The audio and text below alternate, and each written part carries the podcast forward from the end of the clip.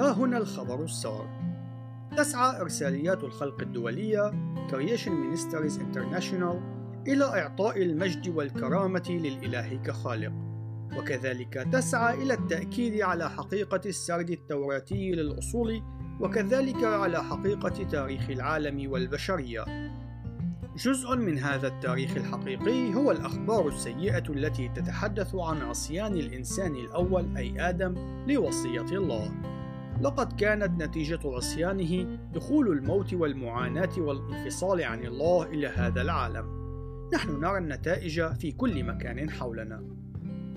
إن كل نسل آدم هو في الخطيئة من قبل أن يولدوا، وهم بذواتهم قد دخلوا في هذا التمارد.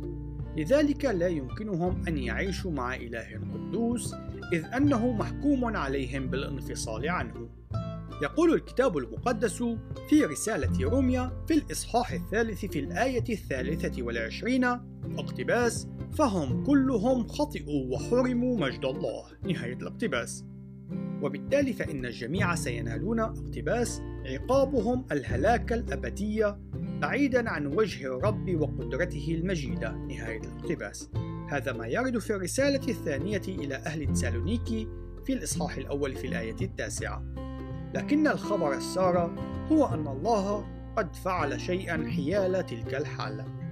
نقرأ في إنجيل يوحنا في الإصحاح الثالث في الآية السادسة عشر اقتباس هكذا أحب الله العالم حتى وهب ابنه الأوحد فلا يهلك كل من يؤمن به بل تكون له الحياة الأبدية. نهاية الاقتباس.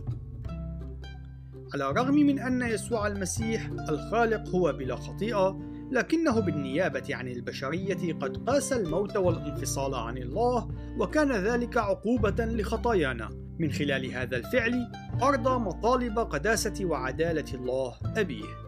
كان يسوع هو الذبيح الذي بلا عيب. مات على الصليب ولكنه في اليوم الثالث قام من بين الأموات ليهزم الموت. وبذلك فإن كل شخص يضع ثقته به ويتوب عن خطاياه ويخضع له. بالحقيقة عوضا عن أن ينال استحقاق خطاياه سيتمكن من العودة إلى الله ليحيا في حضرة الخالق إلى الأبد. نقرأ في الإصحاح الثالث من إنجيل يوحنا في الآية الثامنة عشر. اقتباس فمن يؤمن بالابن لا يدان ومن لا يؤمن به دين لأنه ما آمن بابن الله الأوحد. نهاية الاقتباس.